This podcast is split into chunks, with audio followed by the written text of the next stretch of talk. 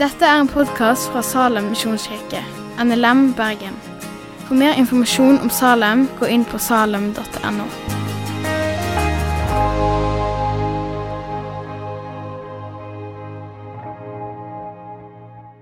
Så Vi er kommet til november, og vi har kommet til tale nummer fire i denne taleserien som vi har, som heter 'Vi er Kristi kropp'. Hvor vi snakker om kirken, og vi snakker om nådegavene. og Vi snakker om hvordan nådegavene og utrustningene som vi har som kirke og enkeltpersoner inn i menigheten, hvordan de skal fungere i samspill her. Eh, og jeg har den ære da, av å få lov til å avslutte denne taleserien om nådegavene og kirken. Og det er ikke en ære fordi jeg tenker at ja, nå er det på tide å bli ferdig med dette. her. Nå har vi, liksom, vi, vi runda det, nå har vi snakka nok om det.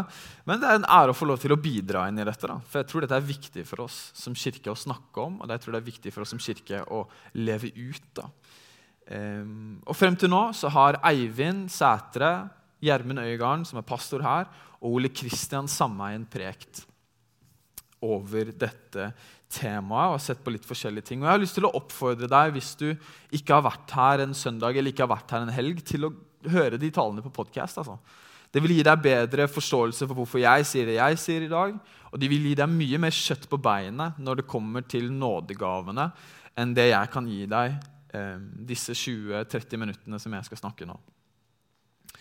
Um, men jeg vil også gi en liten oversikt over hva de forskjellige har snakket om. På en måte Ramse opp litt hvor vi er, hvor vi har kommet til nå i denne taleserien.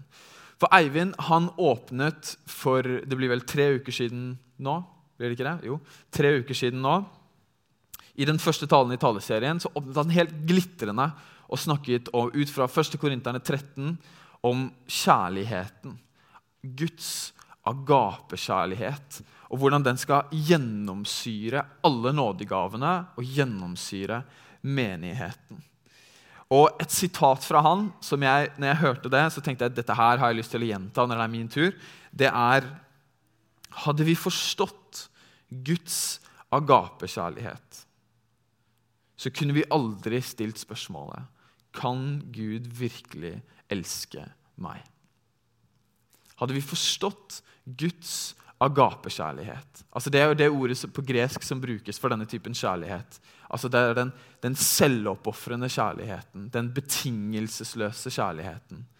Hadde vi forstått den kjærligheten, så kunne vi aldri stilt spørsmålet Kan Gud virkelig elske meg? Det er visdom, altså. Det er visdom. Gjermund han ga oss for to uker siden en viktig oppfordring om å la Guds nådegave i deg flamme opp på ny. Sånn som vi finner den, eh, sånn som vi ser Paulus oppfordrer Timoteus til i 2. Timoteus 1,6. Og jeg vil gjenta hans oppfordring. La Guds nådegave i deg flamme opp igjen. Ikke la noe i dette livet kvele den gaven Gud har gitt deg.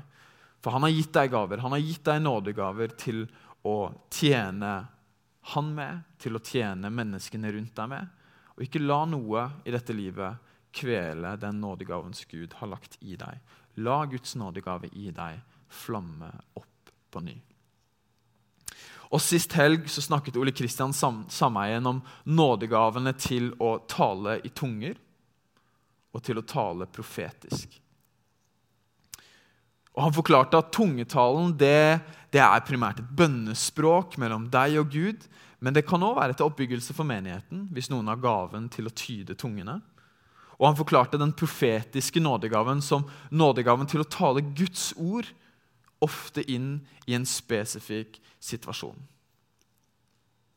Og Han oppfordret oss, sånn som vi finner at det står i teksten, til å søke disse nådegavene med iver. Paulus oppfordrer oss særlig til å søke den profetiske nådegaven, for den er til oppbyggelse for menigheten. Og Hvis dere skulle valgt én av disse talene i taleserien å høre Nå er jo dere her, så dere får jo høre min, så jeg må jo nesten oppfordre dere til å høre en annen en. Men så vil jeg oppfordre dere til å høre denne fra Ole Kristian. Fordi at det med disse nådegavene her, det er noe vi absolutt kan beskyldes for å snakke for lite om. Og da syns jeg det er viktig at når vi først snakker om det, så får vi det med oss. Og jeg har lyst til å oppfordre dere til det, fordi at den teksten som Ole Kristian tok utgangspunkt i, det er den teksten som kommer rett før den jeg skal ta utgang, utgangspunkt i i dag. For i dag så skal vi se sammen på eh, 1. Korinterne 12, Paulus' første brev til korinterne, kapittel 12. Og vi skal lese fra vers 12 til 27. Så hvis du har med deg en bibel, enten en bok eller på mobilen, eller noe sånt, så gjerne finn det fram. Vi skal befinne oss i disse versene i dag. Eh, og vi skal se gjennom dem og bruke litt tid i disse versene. Så det er nyttig for deg å ha det foran deg. Men vi leser sammen fra 1. Korinterne 12, fra vers 12. Det er på skjermen. Vi leser i Jesu navn. Slik kroppen er én, selv om den har mange lemmer, og alle lemmene utgjør én kropp, enda de er mange, slik er det også med Kristus. For med én ånd ble vi alle døpt til å være én kropp, enten vi er jøder eller grekere. Slaver eller frie. Og alle fikk vi én ånd å drikke. For kroppen består ikke av én kroppsdel, men av mange. Om nå foten sier 'fordi jeg ikke er hånd, hører jeg ikke med til kroppen', så er den like fullt en del av den. Om øret sier 'fordi jeg ikke er, et, jeg ikke er øye, hører jeg ikke med til kroppen', så er det like fullt en del av den. Hvis hele kroppen var øye, hvor ble det da av hørselen? Og hvis det hele var hørsel, hvor ble det da av luktesansen? Men nå har Gud gitt hvert enkelt lem sin plass på kroppen, slik han ville det. Hvis det hele var én kroppsdel, hvor ble det da av kroppen? Men nå er det mange kroppsdeler, men bare én kropp. Øyet kan ikke si til hånden 'Jeg trenger deg ikke', eller hodet til føttene 'Jeg har ikke bruk for dere'. Tvert imot, de delene av kroppen som synes å være svakest, nettopp de er nødvendige. De kroppsdelene som vi synes er mindre ære verdt, dem gir vi desto større ære. Og de delene vi føler skam ved, kler vi desto mer sømmelig. De andre trenger det ikke. Men nå har Gud satt sammen kroppen slik at det som mangler ære, får mye ære. For at det ikke skal bli splittelse i kroppen, men alle lemmene har samme omsorg for hverandre. For om ett lem lider, lider alle de andre med. Og om ett lem blir hedret, gleder alle de andre seg. Dere er Kristi kropp, og hver av dere et lem på Han.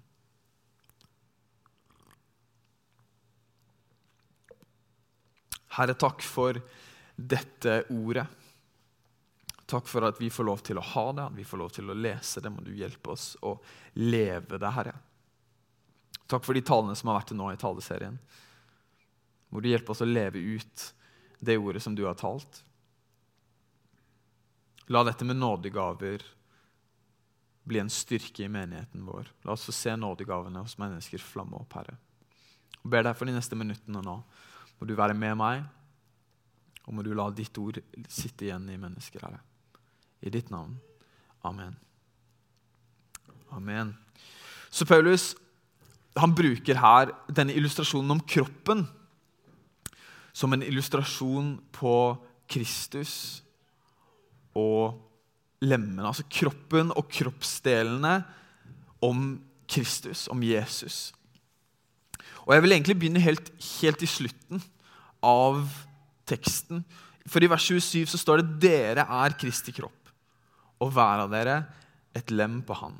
Og Jeg tror dette er tolkningsnøkkelen for hele illustrasjonen. At Kristus er kroppen, altså Jesus er kroppen, og vi er lemmene. Vi er kroppsdelene. Og så lurer jeg på om dere fikk med dere et ord som gikk igjen gjennom hele teksten. Jeg prøvde å stresse det underveis, men det er kanskje ikke så lett å få med seg. Men jeg kan gi dere et hint om at det er ett ord. Ordet er én. Det går igjen gjennom hele teksten. Én kropp, én kroppsdel. Ordet er én. Og Det virker som dette er på en måte hovedbudskapet da, i denne teksten. Det er hovedpoenget med denne illustrasjonen at Kristi kropp, Kristi kropp og jord, menigheten, kirken, Guds kirke, skal være ett. Den skal være én. Den skal være ett. Ja, den skal være fullt av mangfold. Det ser vi gjennom Det nye testamentet, at den er og skal være. Men den er fortsatt én. I vers 12 så leser vi at alle lemmene utgjør én kropp. Alle kroppsdelene utgjør én kropp. Så det vi skal ha med oss når vi leser denne teksten og når vi jobber med denne illustrasjonen, det er at Jesu kropp, Kristi kropp, den er én. Den er samla. Vi er ett. Og så begynner han på en måte illustrasjonen sin hvis vi hopper tilbake igjen til toppen av teksten, så begynner han illustrasjonen sin med å legge grunnlaget for denne tanken. Fordi at dette, Hvis du tenker på dette, så er jo dette en litt underlig tanke. Vi i kirken vi snakker om det hele tiden, for vi har det herfra. Vi snakker hele tiden om at vi skal være ett, og vi skal være, vi skal være eh, sammen om ting. vi skal være ett. Men dette er jo en litt underlig tanke. For når du, når du ser på det, så er det, det er mange ting som gjør at vi ikke er ett. Når du ser på menigheten i Korint, så ser du at det var mange ting der som skulle splittet de, sånn egentlig. Det ser ut som noen var jøder, noen var grekere. De var fra veldig forskjellige folkeslag. Det ser ut som noen var slaver, og noen var frie. Hvis ikke det setter et skille mellom mennesker, så vet ikke jeg. Og Det er mange ting som gjør at vi ikke er ett, både når du ser på oss her i Salem, men nå når du ser på menigheten i resten av byen og menigheten i resten av verden. Så er det mange ting som gjør at vi ikke er ett. Vi er i forskjellige livsfaser. Jeg sa det i går kveld òg. Det, sånn, det er jo mange veldig lik livsfase, men det gjelder kanskje litt bedre her. Vi er i forskjellige livsfaser. Noen er studenter, noen jobber, noen har små barn, noen har voksne barn, noen er pensjonister. Vi er i forskjellige livsfaser. Vi har forskjellige jobber. Kanskje noen av oss er studenter, noen jobber. Og vi har masse forskjellige typer jobber som krever forskjellige ting av oss. Vi er i forskjellige økonomiske situasjoner. Kanskje et litt sårbart emne å snakke om, men det er en realitet. Vi er i forskjellige økonomiske situasjoner. Vi har forskjellige interesser. Vi heier på forskjellige fotballag. Jeg for var superhappy når Arsenal vant i går. Ole Magnus satt her framme på første rad var litt irritert fordi Tottenham hadde tapt. Vi er fra forskjellige steder. Noen er herfra, fra byen, noen er fra andre steder. Sikkert en del her som er fra liksom, Rogaland-området. Det er litt typisk. Og noen er som meg, vet ikke helt hvor man er fra. Det, er, eh, det går fint, jeg lover. Vi, er, vi har kanskje forskjellige politiske meninger. Det er mange ting som gjør at vi er forskjellige. Kanskje vi brenner for forskjellige ting. Det er mange ting som gjør at vi er forskjellige. At vi er annerledes fra hverandre. Det er mye som skiller oss. Så hva er det som gjør at vi er ett? Hva er det som gjør denne underlige tanken til en sannhet som Paulus er så tydelig på? Jo, I vers 13 så leser vi For med én ånd ble vi alle døpt til å være én kropp. Enten vi er jøder eller grekere, slaver eller frie. Og alle fikk én ånd å drikke.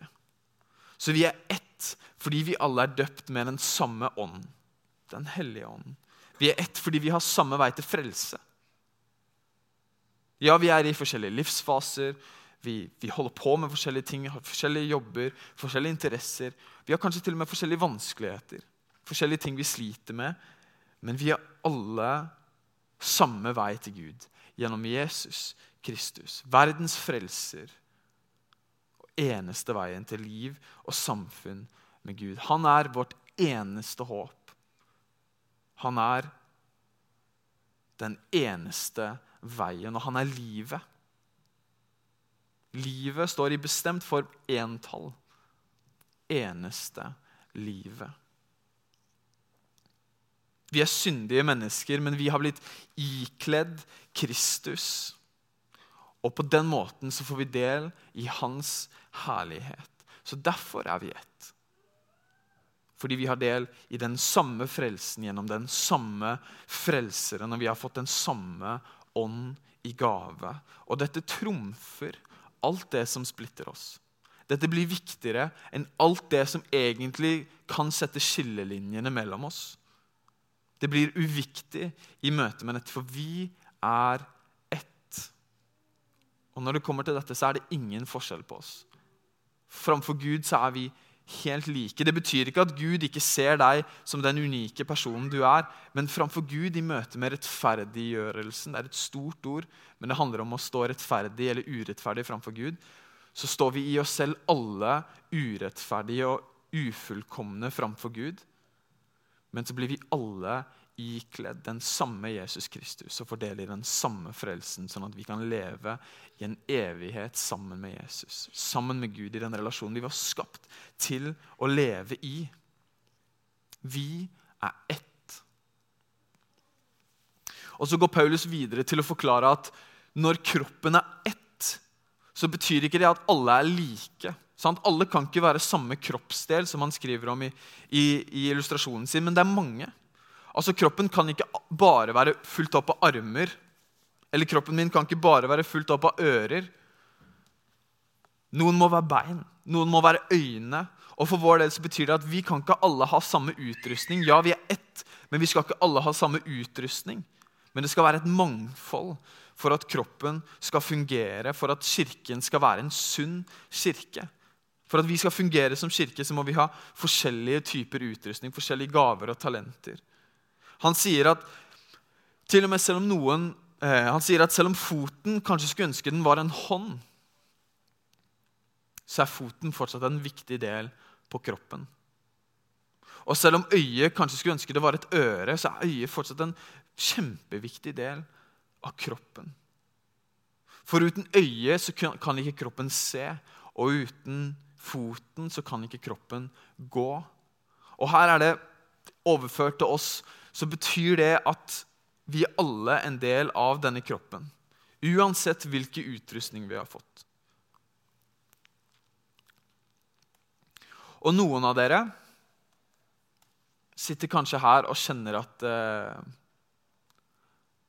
Ser på noen andre og tenker at ah, hadde jeg bare hatt den utrustningen, hadde jeg bare hatt hans utrustning, hadde jeg bare hatt hennes utrustning, kunne jeg bare spilt piano sånn som Ingebjørg gjør, da kunne jeg bidratt. Eller hadde jeg hatt tryggheten til å stå i døra og ønske folk velkommen og gi dem et smil? Da kunne jeg bidratt. Men det vi leser om her, er at du er fortsatt viktig. Du er fortsatt en del av denne kroppen. Vi har alle noe å bidra med. Vi har, vi har fått nådegaver til å bidra med. Og For å være en sunn kropp, for å være en sunn kirke, så trenger vi at alle disse nådegavene er i funksjon. I vers 18 i det vi leser i dag, så står det Men nå har Gud gitt hvert enkelt lem sin plass på kroppen slik han ville det. Overført til vår kontekst eller til det vi tror denne, denne illustrasjonen handler om, så kan vi lese Gud har gitt hvert enkelt menneske sin plass, på, sin plass i kirken slik han ville det. Gud har gitt hvert enkelt menneske sin plass i menigheten slik han ville det. Og Videre så skriver Paulus at vi er avhengige av hverandre. At øyet, øye kan ikke si til hånden 'jeg trenger deg ikke', eller hodet kan ikke si til beina 'jeg trenger dere ikke'. Ingen kan si til noen andre i dette rommet at 'det er ikke behov for deg her'. Og Hvis det er noen av dere som har hørt det, hvis det er noen av dere som har blitt fortalt det, at det er ikke bruk for deg her, enten med ord eller noe som har blitt kommunisert, så har jeg bare lyst til å beklage. For sånn skal det ikke være her.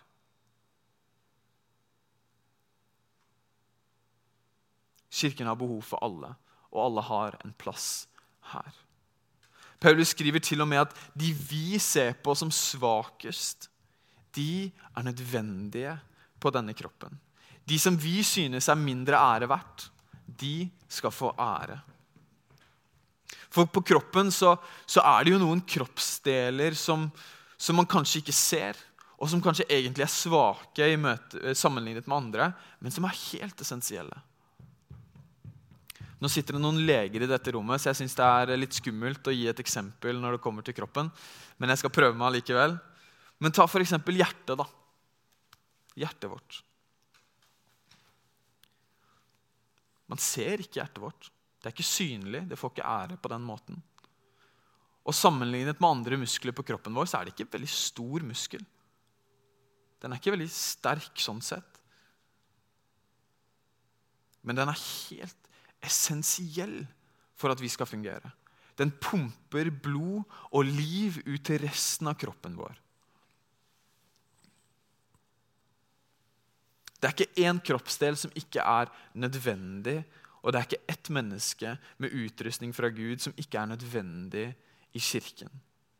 Og så avslutter Paulus Han går videre til å avslutte med den omsorgen som skal finnes i denne enheten som menigheten skal ha. Han forklarer at når ett lem lider, så skal alle de andre lide med. For sånn er det jo i kroppen vår. Når ett lem lider, når en kroppsdel lider, så merker du det i resten av kroppen. Det gjør noe med resten av kroppen din. Hvis du har vondt i hodet, så er det ikke veldig kjekt å dra på løpetur. Da er det ikke veldig lett å komme seg ut på løpetur. I denne uka her så presterte jeg å kutte meg på fingeren. Jeg klarte å kutte meg på fingeren på en stol. Det var, ja, nei, ikke spør. Bitte lite kutt. Det er nesten vekke allerede. Begynte å blø bitte litt. Det gjorde litt vondt. Men det, det, endrer måten jeg bruker hele hånden min på. Når ett lem lider, så lider resten av kroppen med. Og når ett lem får ære, så skal de andre glede seg over dette. Og jeg drømmer om at denne omsorgen som vi ser i denne illustrasjonen, at den skal finnes blant oss. At når noen her lider, og det er sikkert noen av, de, noen av dere i dette rommet som lider akkurat nå, som har det tungt, har det kjipt. Og hvis ikke det er det, så kommer det til å skje. For livet er vanskelig. altså. Av og til så slår det deg i ansiktet. Men når noen her lider, så skal det være rom for å dele det. Enten man tar til seg noen på gudstjeneste og sier at akkurat nå så skjer dette i livet mitt, eller man snakker om det i smågruppen, at det er rom for å dele det med menigheten, så skal vi bære byrdene til hverandre. Så skal vi lide sammen med deg. At vi skal ikke bare være en sånn, en sånn happy-clappy gjeng som bare går og later som om alt er helt fantastisk hele tiden. For sånn er det ikke. Ja, vi har masse å glede oss over, og det skal vi gjøre. Men livet er ikke fantastisk hele tiden. Og om vi tror det, om vi later som det, så er vi umodne. Men vi skal være en kirke som tar livet på alvor og bærer hverandres byrder. Og når noen i kirken får ære, når noen får en, en god jobb, når noen vinner et eller annet, når, når, kanskje når noen gifter seg, når noen får barn, når noen blir besteforeldre, når noen utmerker seg på et felt, når noen får ære, så skal vi glede oss sammen med dem. Vi skal ikke være sjalu, vi skal ikke ønske det var oss i deres sted. Vi skal ikke ønske det verste for noen. Det finner vi nok av i resten av verden. Men vi skal glede oss over dem. Vi skal glede oss over at de blir hedret, over at de får ære, over at de får glede. Og forstå meg rett, her er det ingen skam. Om du syns dette er vanskelig, det går helt fint. Jeg har selv slitt masse med sjalusi i mitt liv. Når jeg var tenåring, så ble eh, en av mine beste kompiser Vi var 17 år. Han ble utfordra til å være ungdomspastor i ungdomsarbeidet som vi gikk i. Og jeg kjente at det var vanskelig for meg. For det hadde jo jeg lyst til. Jeg hadde jo lyst til å være ungdomspastor i menigheten. Og jeg sleit med sjalusi. Jeg syntes det var kjempevanskelig i møte med han.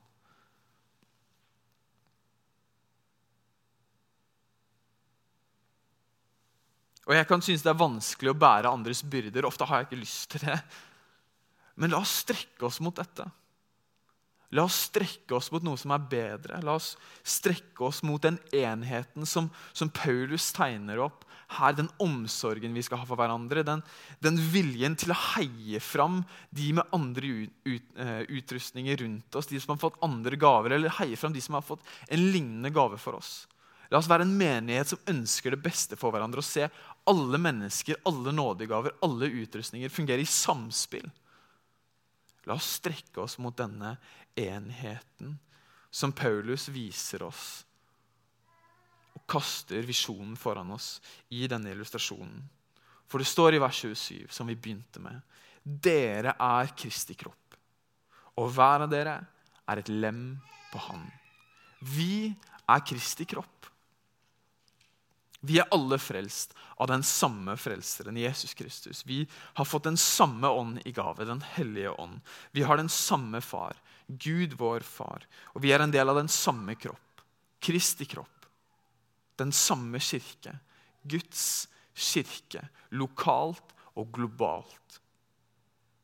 Og denne kirken har behov for alle sammen. Og det er behov for deg. Det er ikke ett menneske med utrustning fra Gud som det ikke er behov for i kirken. Og så har jeg lyst til å avslutte med dette. For Hvis du sitter her nå i dag denne formiddagen, og du kanskje har sittet her tidligere i disse talene og tenkt ja, dette er så bra, liksom. Enhet, så bra. Så spennende med å la Guds nådegave flamme opp. Ja, kjærligheten skal gjennomsyre det. Tungetale, profetiske ord. Come on, liksom. Men du sitter og tenker at men jeg, jeg vet ikke. Jeg vet ikke hva min nådegave er. Jeg vet ikke hva Gud har gitt meg.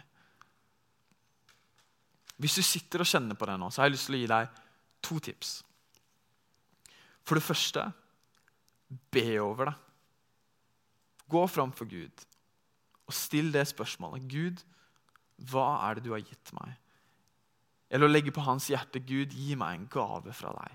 Og Du kan be spesifikt om akkurat den nådegaven du vil ha. Jeg kan ikke garantere deg at du kommer til å få akkurat den du har lyst på. Men jeg kan garantere deg at Gud har nådegaver for deg. Han har utrustning for deg som han har lyst til å gi deg.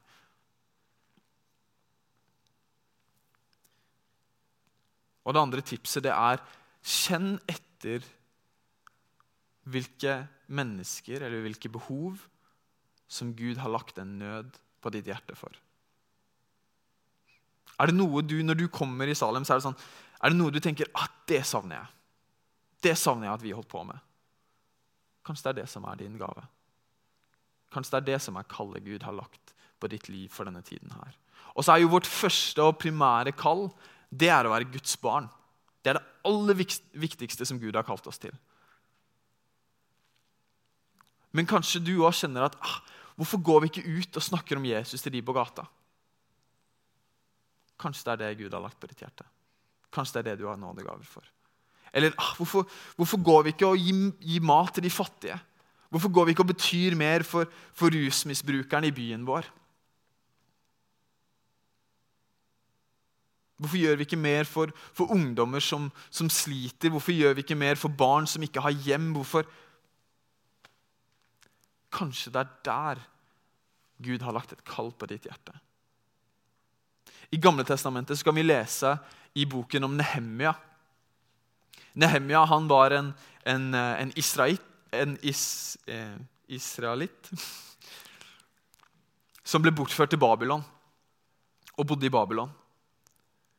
Og så får han et budskap, eller han får et brev fra Jerusalem om at murene rundt Jerusalem de står ikke, de er falt ned. De har blitt revet ned, og Jerusalem og dets folk er ubeskyttet.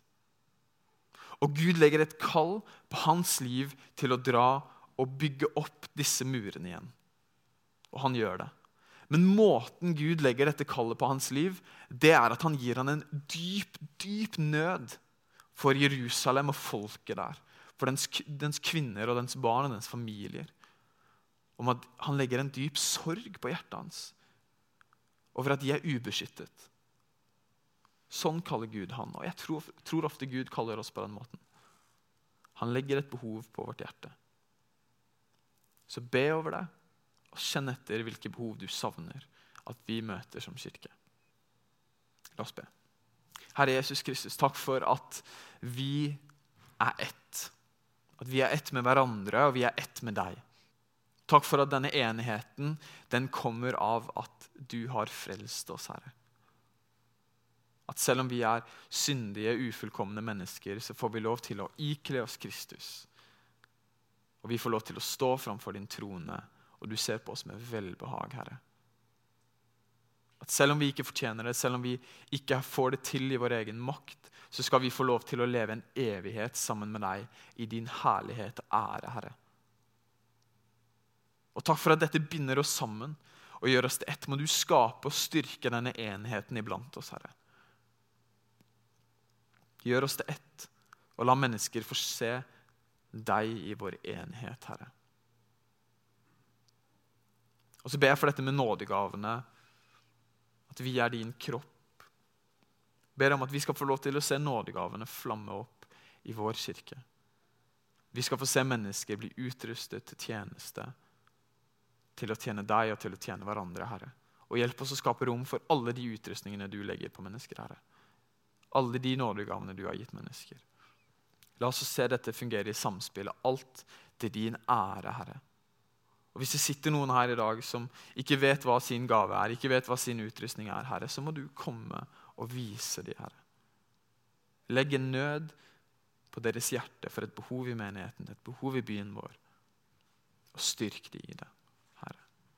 Vis mennesker det kallet du har for livet deres, den utrustningen du har gitt dem, Herre. I ditt allmektige navn. Amen. Takk for at du har hørt på podkasten fra Salem, Bergen. I Salem vil vi vinne, bevare, utruste og sende. Til Guds ære. Vi ønsker å se mennesker finne fellesskap, møte Jesus og bli disippelgjort her i Bergen og i resten av verden. Vil du vite mer om oss, gå inn på salem.no.